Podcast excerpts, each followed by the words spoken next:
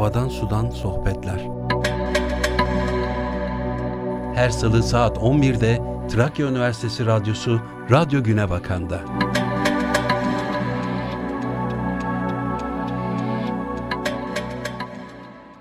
Merhaba değerli dinleyiciler. Trakya Üniversitesi Radyosu Radyo Güne Bakan'da Havadan Sudan Sohbetler programında yine sizlerle birlikteyiz.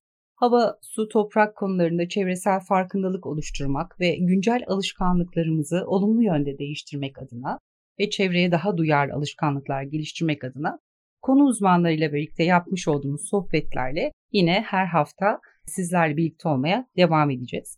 Bugünkü konuğumuz Trakya Üniversitesi Doğal Afet Uygulama ve Araştırma Merkez Müdürümüz ve aynı zamanda Trakya Üniversitesi Teknik Bilimler Meslek Yüksekokulu öğretim üyemiz Sayın Profesör Doktor Mehmet Ali Kaya. Hocam tekrar hoş geldiniz programımıza. Değerli hocam merhaba, hoş bulduk. Sizleri tekrar görmek çok güzel.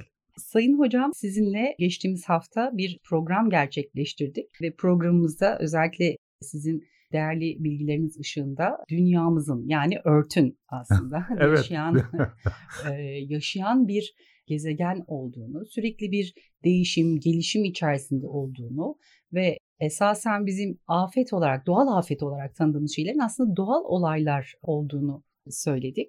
Şimdi tabii hem bizim doğal olaylar olarak gördüğümüz işte deprem, volkanik aktiviteler ya da meteor çarpması gibi olaylar doğal olaylar. Bizim insanoğlunun yapabileceklerinin dışında, müdahale edebileceğinin dışında olaylar. Bunun dışında tabii yine doğal afetler olarak karşımıza son zamanlarda sıkça çıkan olaylar var. Örneğin seller, ya da bir tarafta çok fazla sel olaylarına rastlarken bir tarafta kuraklık ve çölleşme gibi olaylarla mücadele ediyoruz. Şimdi esasen bakıldığında bunların hepsi doğal olaylar gibi gözüküyor ama tetikleyen birçok faktör var. Özellikle sel, fırtına ya da taşkınlar gibi ya da kuraklık gibi. Bu konuda acaba insanoğlunun oluşmalarına olan etkileri neler ve biz nerede ne hata yapıyoruz ya da nasıl yaşamayı öğreneceğiz bunlarla? Siz dinliyoruz hocam. Ee, çok teşekkürler değerli hocam. Geçtiğimiz programda yerin yaşayan bir gezegen olduğunu, dolayısıyla da bizim afet olarak tanımlasak bile işte çığdan başlayarak depremlere, meteorlara kadar ya da yanardağlara kadar bunların doğal süreçler olduğunu konuşmuştuk. Bir de insandan kaynaklanan işte kazalar, yangınlar, nükleer kazalar gibi teknolojik kazalar vardı. Bunların dışında şunu söylemiştik geçtiğimiz programda doğal afet olarak gördüğümüz ama esas insandan kaynaklanan küresel ısınma gibi bir sorunumuz var demiştik. Hı hı. Ee, geçtiğimiz programda buna fırsat kalmamıştı. Bu hafta şimdi buradan devam edeceğiz. Hocam biliyorsunuz sanayi devrimi 1750'ler olarak kabul edilir. İlk tekstil makinelerinin yapımıyla beraber 1750'lerden günümüze kadar 2020'lere kadar dünyanın karbondioksit emisyonunu inceliyor bilim insanları ve bakıyorlar ki 1950'lere kadar çok fazla bir artış yokken 1950'lerden itibaren inanılmaz bir artış var. Bu karbondioksit emisyonunda atmosferdeki. Peki buna karbondioksit emisyonu yani atmosferdeki karbondioksitin ki biz bunu sera gazı olarak biliyoruz. Evet. Bunun artışı neden kaynaklı hocam? Değerli hocam bunun artışının ana nedeni bizim biliyorsunuz enerji türlerimiz var. Yani biz insan olarak ne yaparız? Uçağa bineriz, arabaya bineriz, evlerimizde hepsi elektrikle çalışan cihazlar vardır. Yani bir enerji ihtiyacımız var. Ama bu enerji ihtiyacının giderirken de bunun bir maliyeti var. Maliyeti dediğimiz zaman hepimiz zannediyoruz ki cebimizden gidip bankaya ödediğimiz para. Halbuki dünya açısından bir maliyeti var. Şu anda hocam yapılan araştırmalar şunu gösteriyor değerli hocam. Biz fosil yakıt türlerini çok kullanıyoruz. Fosil yakıtlar dendiği zaman biliyorsunuz kömür başta olmak üzere petrol ve doğal gaz geliyor. Hı hı. Şu anda dünyada biz %90'a varan bir oranda neredeyse bunları kullanmaya devam ediyoruz. Ve Bu, tabii bunlar da karbondioksit emisyonunu Evet, karbon kökenli oranda. olduğu için karbondioksit emisyonunu ciddi anlamda artırıyor ve dediğimiz gibi bu oranlara baktığımız zaman da 1950'lerden sonra çok ciddi boyutlara ulaşmış. Biraz sonra size son 800 bin yıldan örnekler vereceğim. Yani insanoğlu 800 bin yılı nasıl araştırıyor değerli hocam? Kutuplarda buz örneği alıyorlar. Oradaki karbondioksit çökelmesi veya oksijene bakarak. Yani bu dönemde evet atmosferde karbondioksit çok fazlaymış, bu dönemde oksijen fazlaymış gibi. Onlara da geleceğim ama şöyle bir kabaca özetlemek gerekirse karbondioksit yükselince ne oluyor? Hava kirliliği dediğimiz olay oluşuyor hocam. hava kirliliği oluştuğu zaman da birkaç tane ana sonucu var. Birisi asit yağmurları değerli hocam biliyorsunuz. Yani havadaki bulunan karbondioksit ve diğer oksitler havanın su döngüsüyle, su döngüsünü biliyorsunuz. Evet. Su döngüsünün herhangi bir fazıyla karşılaştığı zaman bu nem olabilir, yağmur olabilir, kar olabilir ama nem, yağmur ve kar bizim için çok daha efektif yere indiği için. Hı hı. İşte bu su döngüsü sırasında karbondioksit diyelim ki orada yağmur da birleştiği zaman karbonik asite dönüşüyor. Ya da kükürtlü oksitler birleştiği zaman sülfürik asite dönüşüyor ve bunlar doğrudan doğruya yeryüzüne iniyor. Asit yağmur dediğimiz olay bu. Bunun çok somut göstergeleri var hocam. Örneğin 1908 yılında bir fotoğrafını çekiyorlar. Bir katedraldeki bir rahibe veya Meryem Ana heykelinin. 1968'de aynı fotoğrafı bir daha çekiyorlar. Bakın bundan 50-55 yıl öncesinden söz ediyorum. Ve iki fotoğraf arasında inanılmaz farklar var değerli hocam. Heykeldeki sadece elbisenin ayrıntıları görünüyor. Oradaki silüetin yüzü, elleri hepsi kaybolmuş. Çünkü korozyona uğramış değil mi? Yani tamamen asit yağmurlarıyla erimiş durumda hocam. E şimdi mermer gibi son derece dayanıklı, biz yer bilimciler açısından baktığınızda son derece dayanıklı bir taşa bile, malzemeye bile asit yağmuru bu etkiyi yapıyorsa doğadaki ekosisteme ve toprağa nasıl inanılmaz etki yaptığını siz de tahmin edebiliyorsunuz. Demir bir, yollarına da özellikle. Kesinlikle. Her şeye hocam. Her şeye. Ama asit yağmurları bunun bir parçası. Diğer bir parçası ozon tabakasındaki incelme. Çok iyi biliyorsunuz. Hı hı. Kloroflorokarbon gazları çok egemen burada da. Ozon tabakasındaki incelmenin insanoğlu biraz erken farkına vardı diye düşünüyorum. Biliyorsunuz 1985'lerde 90'larda bu ozon tabakasındaki incelme maksimum seviyesinde çok incelmiştir ve çok geniş bir alana yayılmıştır. Ama dünyadaki ülkelerin işbirliğiyle ve anlaşmalarıyla 2100'lü yıllarda bu ozon tabakasındaki incelmenin yerini kalınlaşmaya, normal seviyeye doğru bırakacağı gibi bir varsayım var. Hedeflenen o. Gerçekten de 2020'nin bulguları 1985'lere göre çok daha iyi durumda olduğumuzu gösteriyor. Ama bu da bir hava kirliliği sonucu. Son olarak da hocam tabii ki küresel ısınma ya da sera etkisi sizin de çok iyi tanımladığınız gibi esas belki üzerinde duracağımız o. İklim değişikliğiyle başlıyor hocam. Siz de çok iyi biliyorsunuz. İklim değişikliği ve küresel ısınma buzullardaki erimeye kadar ulaşıyor. Öyle olunca karaları suların denizin basması gibi ve iklim değişikliği kuraklığa bağlı olarak bugünkülerde kıyaslamayacağımız şekilde bir mülteci olayını gündeme getirebilir. Bu mülteci olayı da siz biyolog olarak çok iyi bilirsiniz ki sadece insanla ilgili bir kavram değil. Kesinlikle. Yani muhtemelen bütün canlıların bir hareketi söz konusu olacak. Bu konuyu da siz de çok iyi biliyorsunuz. Dediğim gibi o zaman küresel iklim değişikliğinden ya da çölleşmeden su kaybı ile ilgilidir biliyorsunuz çölleşme. Su kayıplarını veya suyun yok olmasını çölleşme olarak tanımlıyoruz. Verimli kullanamıyorsak çölleşme kaçınılmaz. Bu çölleşmeye bağlı olarak da bütün canlıların bir hareketi söz konusu olacak. Yani esasen biz hep şunu söylüyoruz Sayın Hocam. Yani sera etkisi aslında dünyanın ortalama sıcaklığının canlıların yaşayabileceği şekilde olması için olması gereken bir olay. Hep bunu karıştırıyoruz. Sera evet. etkisi. Aslında bizi zora sokan sera etkisinin şiddetinin artması. Bunda da en büyük etken bildiğiniz üzere az önce de söylediğiniz gibi karbondioksit emisyonunun atmosferde çok yüksek boyutlara ulaşması. Evet. Çünkü güneşten gelen ışınların bir kısmı yer küre tarafından tutulurken ki bu tutulumda karbondioksit çok büyük bir rol oynuyor. Arkasından metan ve su buharı gibi gazlar geliyor. Evet, azot Ancak aynen öyle. Ancak tabii insanların faaliyetleri sonucunda atmosfere salınan azot oksitler, kükürt oksitler bunlarda daha fazla ışının yer kürede tutulmasına sebep oluyor ve bu da atmosferik sıcaklığın ortalama küresel anlamda yükselmesine neden oluyor. Tabii atmosferik sıcaklıkların artmasıyla beraber küresel anlamda iklimsel değişiklikler meydana geliyor.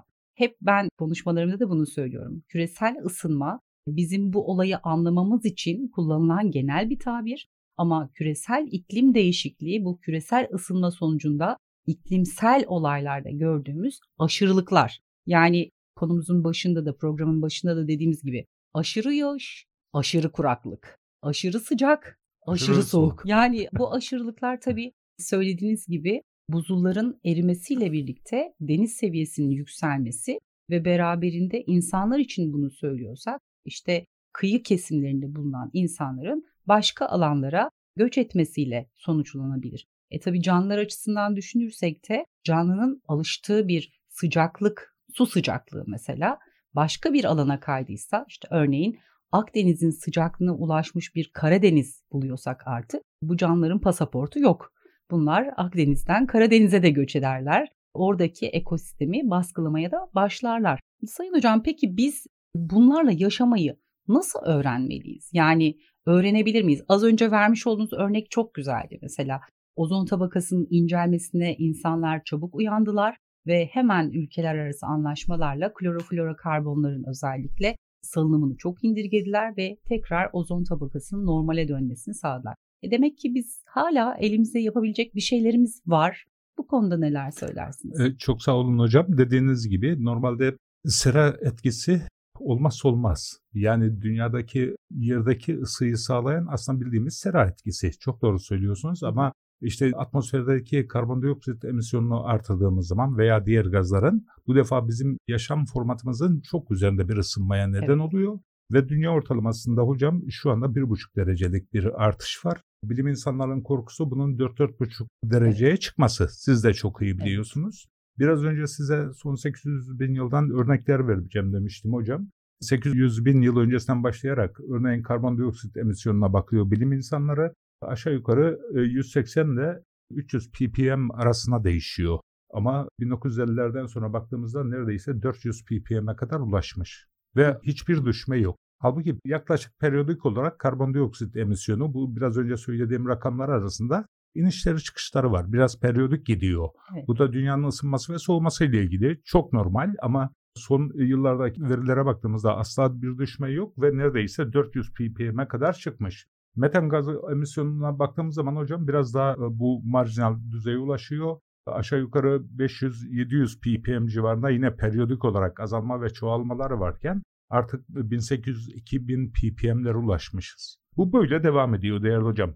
Geleceğim nokta şu ki buna karşı ne yapabiliriz olayında? İşte CFC gazlarının kullanımını yasakladığımız zaman şu anda normal seviyeye ulaşmadı ama 1985'lere göre ozon tabakasının incelmesinde çok iyiyiz. 2100'lü yıllarda normalde döneceğimiz şeklinde hedefler var ya da öngörüler, projeksiyonlar var. Ama biz bugün bile değerli hocam sözünü ettiğimiz fosil kaynaklı enerji kaynaklarını hemen bugün sıfırlasak bile, hiç kullanmasak bile yani 2100'lerde, 2200'lerde havadaki, atmosferdeki karbondioksit emisyonunu normal seviyeye getirebilir miyiz? Bilim insanlarından bu anlamda ben herhangi bilimsel bir veriye rastlamadım. Yani bunun bir garantisi yok geçtiğimiz günlerde bir gazeteci arkadaşımla konuşurken bu konu biraz çözümsüz derken çözümü olmadığı için değil zaman açısından çözümsüz gibi görünüyor. Biraz beraber yaşayacağız görünüyor. Bu yani bunlar biraz kaçınılmaz gibi hocam. Ciddi bir süre devam edecek.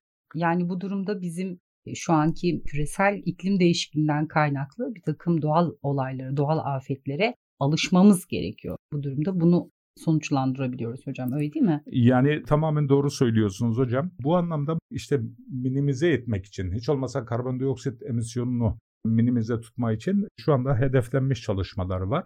Biraz önce söylemiştik fosil yakıt türlerini çok inanılmaz şekilde kullanıyoruz ama 2040-2050'lerde yenilenebilir enerji kaynakları dediğimiz jeotermal, su, rüzgar, güneş, e, güneş artı suya okyanus dalgalarını da dahil ediyorum. Hı hı. Bu tür enerji arayışlarımız vardı Erdoğan Hocam. Bir de güneşten bir yıldan bize dünyaya ulaşan ısı ve ışın miktarı o kadar yeterli ki biz bunu enerji olarak kullanabilsek belki bizim 10 bin yıllık enerji ihtiyacımızı karşılayacak. Hı. Ee, şu anda buna gücümüz yok. İnanılmaz insanlığın çabası var, Türkiye'nin de çabaları var. Bu arada hemen söylemem gerekir. Jeotermal enerji açısından dünyada ilk birkaç ülkeden birisiyiz. Bu da şeyden kaynaklanıyor. Hep deprem ülkesiyiz diye yakınıyoruz ama deprem ülkesi olmanın getirdiği böyle bir nimet de var. Jeotermal enerji de bununla doğrudan ilgili. Bunu da sevinerek söyleyebiliriz ama bu yenilenebilir enerji kaynakları işte 2050'lerde belki bütün enerji kaynaklarımızın %50'sini oluşturacak. Hı. Ee, belki de insan diyecek ki zaten bu bu fosil yakıtları biz bir şekilde tüketmemiz gerekiyor. Belki de devam edecek. Bunun şeyini bilemiyoruz ama muhtemelen yenilenebilir enerji kaynaklarının e, teşviki ve kullanıma alınması egemen görünüyor. Ama bütün bunlara rağmen biz bir şekilde bu durumla yaşamayı öğrenmemiz gerekiyor. Bir süre devam edecek. O zaman biz mevcut durumumuzu değerlendirdiğimizde Evet. şimdi bir dünyada pek çok gün düzenleniyor. Evet. İşte buna biz kutlama demiyoruz. İşte Dünya Su Günü diyoruz. Evet. Dünya Çölleşme ve Kuraklık Günü diyoruz. Mücadele Günü diyoruz. Farkındalık Günü diyoruz. Bunların hepsi aslında bu tarz olaylara dikkat çekmek, bu konuları farkındalık oluşturmak açısından gündeme getirdiğimiz konular. Peki şimdi yine de bakıyoruz. Hala seller meydana geliyor. Bir tarafta seller var ve e, can kaybına, mal kaybına da yol açıyor. Bir tarafta da kuraklık var, çölleşme var. İşte yeterli tarım ürünü sulanamadığı için orada bir ürün kaybı söz konusu oluyor. Peki bunların biz afet olarak gündemimize oturmaması için biz kişisel bazda ne gibi çabalar sarf edebiliriz? Hocam hem kişisel hem kurumsal çabalarımız olabilir. Yani kurumsal derken biz bilim insanlarına, siz de ben de dahil vurgulamak istediğim o. Kişisel anlamda siz de çok iyi biliyorsunuz. Suyun verimli kullanımı. Yani dünyadaki tatlı sular çok az hocam. %97,5 aşağı yukarı denizlerde, %2 civarında buzullarda tatlı suların çok ciddi bir bölümü %70'i buzullarda. O da bütün dünyadaki suların %2'si yapıyor. Bize yeraltı suları ve yüzey suları kalıyor. Yani sizin çok iyi bildiğiniz ve önceki programlarda vurguladığınız kullanım şekliyle gidersek bir yere varamayacağız. Hı hı. Sizin önerilerinizi dikkate alırsak çölleşmede minimum şekilde minimum zararla geçmiş olacağız. Yeter ki suyu ve toprağı verimsiz kullanmayalım. Bu bağlamda kurumsal olarak bizler ne yapabiliriz'e baktığımız zaman değerli hocam örneğin göçmen kuşlar hangi dönemde Trakya'ya veya Türkiye'ye geliyordu gidiyordu? Ne zaman buzlaşma dönemi başlıyor ne zaman çözülüyor? Yağmur dönemi ne zaman başlıyordu? Artık bunların zaman süreci değişti mi? Bunları bilimsel projelerle ortaya koyabilirsek biz hem tarımdaki seçimlerimizi yani hangi ürünleri az su isteyen ürünleri seçmek gibi örneğin hocam e, hem bu seçimlerimizi hem de yağışlı ve kurak dönemlerimizi yeniden tanımlayarak artık bizim ilkokulda öğrendiğimiz şekliyle değil dünya. Bunu da Evet. herkes yaşayarak biliyor. İklim değişikliği dememizin nedeni o. Dolayısıyla yağışlı ve kurak sezonları bilirsek o zaman önlemimizi hem kişisel anlamda hem kent olarak hem ülke olarak seçtiğimiz ürünleri, yaşam biçimimizi belirleyebiliriz diye düşünüyorum. Bu bağlamda TÜDAM olarak biz de birçok bilim insanını bir araya getirerek çünkü çok disiplinli bir olay bu. Hepimizi, insan olarak hepimizi, bilim olarak da hepimizi ilgilendiren bir olay. Bu projelerin peşindeyiz. Tabii bu anlamda aslında sizinle konuşuyoruz ya işte tatlı su kaynaklarımız aslında denizlerle, okyanuslarla karşılaştırıldığında çok çok az miktarda. Çok az. Ama dünyadaki insan nüfusuyla oranlandığında esasen yeterli olarak gösteriliyor. Fakat biz bu sulardan yararlanmak konusunda biraz zayıf kalıyoruz. Niye? Çünkü o su kirletilirse eğer kirlenmiş bir suysa o su bizim için yok demektir. Bu nedenle özellikle öncelikle sularımızın kirletilmemesi, Evet. tatlı su kaynaklarımızın kesinlikle kirletilmemesi çok önemli bence. Bunun dışında tabii kirlenmiş olan yüzeysel su kaynaklarından yararlanamadığımızda insanların yöneldiği ister tarımsal, ister endüstri, ister kentsel kullanım için yeraltı su kaynakları Evet. oluyor. Aslında yeraltı su kaynakları bizim için stok niteliğinde. Oraları bizim Çok için doğru. çok önemli. Hem Çok e, ihtiyacımız olan dönemlerde, kurak dönemlerde su ihtiyacımızı karşılayacak hem de gerçekten yüzeysel su kaynaklarını da beslediği için bu depoların dolu olması önemli. Peki Sayın Hocam biraz böyle işte kuraklıktan vesaireden bahsettik. Şimdi sellerden biraz bahsedelim. Yani iki uç konu ama biz dünyada bu küresel iklim değişikliği yüzünden her iki ekstrem olayları görebiliyoruz. Sellerin alışılması gereken bir durumu için ya da sellere alışılması gereken olaylar mıdır? Ya da biz nerede hata yapıyoruz? Sellerden nasıl korunabiliriz? Can ve mal kaybı olmaması için.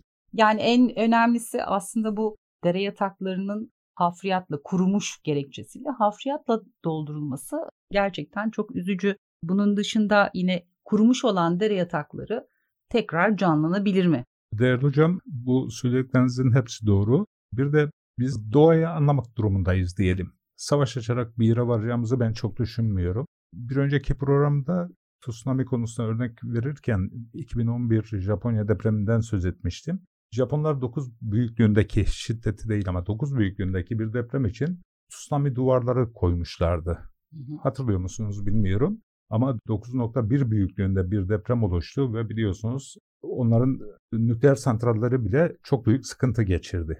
Hı. Ve e, YouTube'da da onlarca video bu konuda dolaşıyor nasıl olduğuna dair. Yani bizim öngörülerimizin dışında bir şey doğa.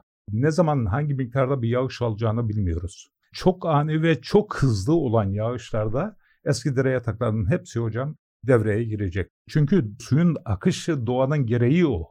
Ama biz oraları kapatırsak, oraları sadece gündüz yaşayacağımız yerler olarak görmezsek, yani dere yataklarının civarını elden geçirip yaşayabileceğimiz gündüzleri park alanı, işte çocuklarımızla dolaşabileceğimiz, bir çay kahve içebileceğimiz yerler değil de yaşam alanı olarak görüp kamuya dair binalar ya da oturabileceğimiz konutlar inşa edersek e, ya da yolları oradan geçirecek olursak bu sıkıntıların olacağını her zaman bilmemiz gerekir. Ve hemen hemen her yıl Türkiye'nin belirli bir bölgesinde buna benzer sıkıntıları yaşıyoruz. Biliyorsunuz. Evet evet. Yani özellikle bizim doğaya müdahale etmek yerine doğayla yaşamayı öğrenmemiz. Bu anlamda evet. Evet. Doğanın aslında dünyanın sahibi olduğunu keşfetmemiz. Bilmemiz gerekiyor hocam. E, Doğru. Yeniden bunu e, gözden geçirmemiz gerekiyor. Sayın hocam çok verimli bir konuşma olduğunu düşünüyorum. Sohbet çok keyifliydi.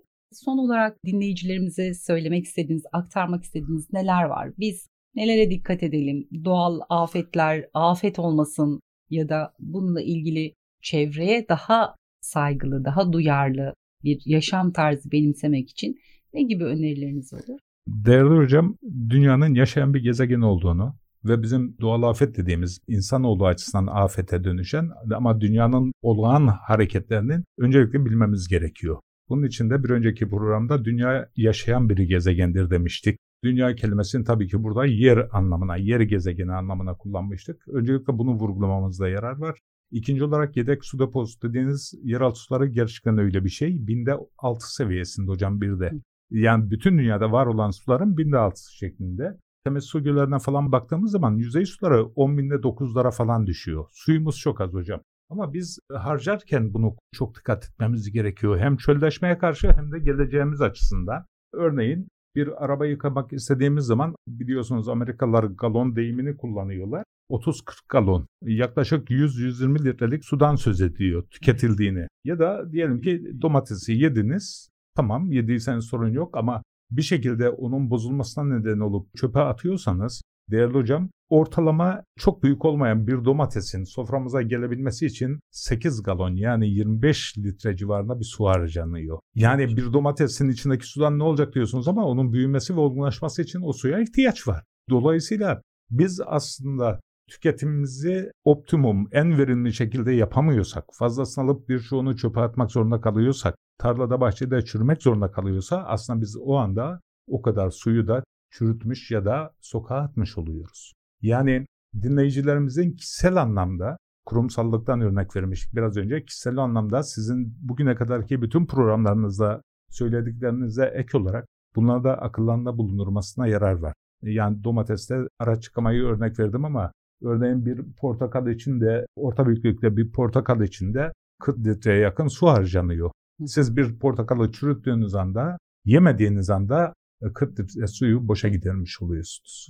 Bu tür sıkıntılarımız var. Özen göstermemiz gerekiyor. Dolayısıyla her tür israftan kaçınmamız gerekiyor. Kesinlikle. Su israfı başta olmak üzere o suyun sağladığı tüm nimetlerden de maksimum düzeyde yararlanarak yararlanmak gerekiyor e, hocam. Suyumuzu korumamız gerekiyor. Bir iki dakikamız varsa bir şey hatırlatmak istiyorum. Lütfen. Bilim insanları bir santimetrelik bir toprağın oluşabilmesi için değerli hocam 200 ile 1000 yıl arasında zaman geçmesi gerektiğini söylüyorlar. Bu 200 ile 1000 yıl oradaki jeolojik koşullara ve meteorolojik koşullara bağlı. Yani kayacın jeolojik durumu, yağış veya rüzgarın onu parçalaması. Bu nedenle ortalama 500 yılda bir santimetre kalınlığında bir toprağın oluştuğu söylenir.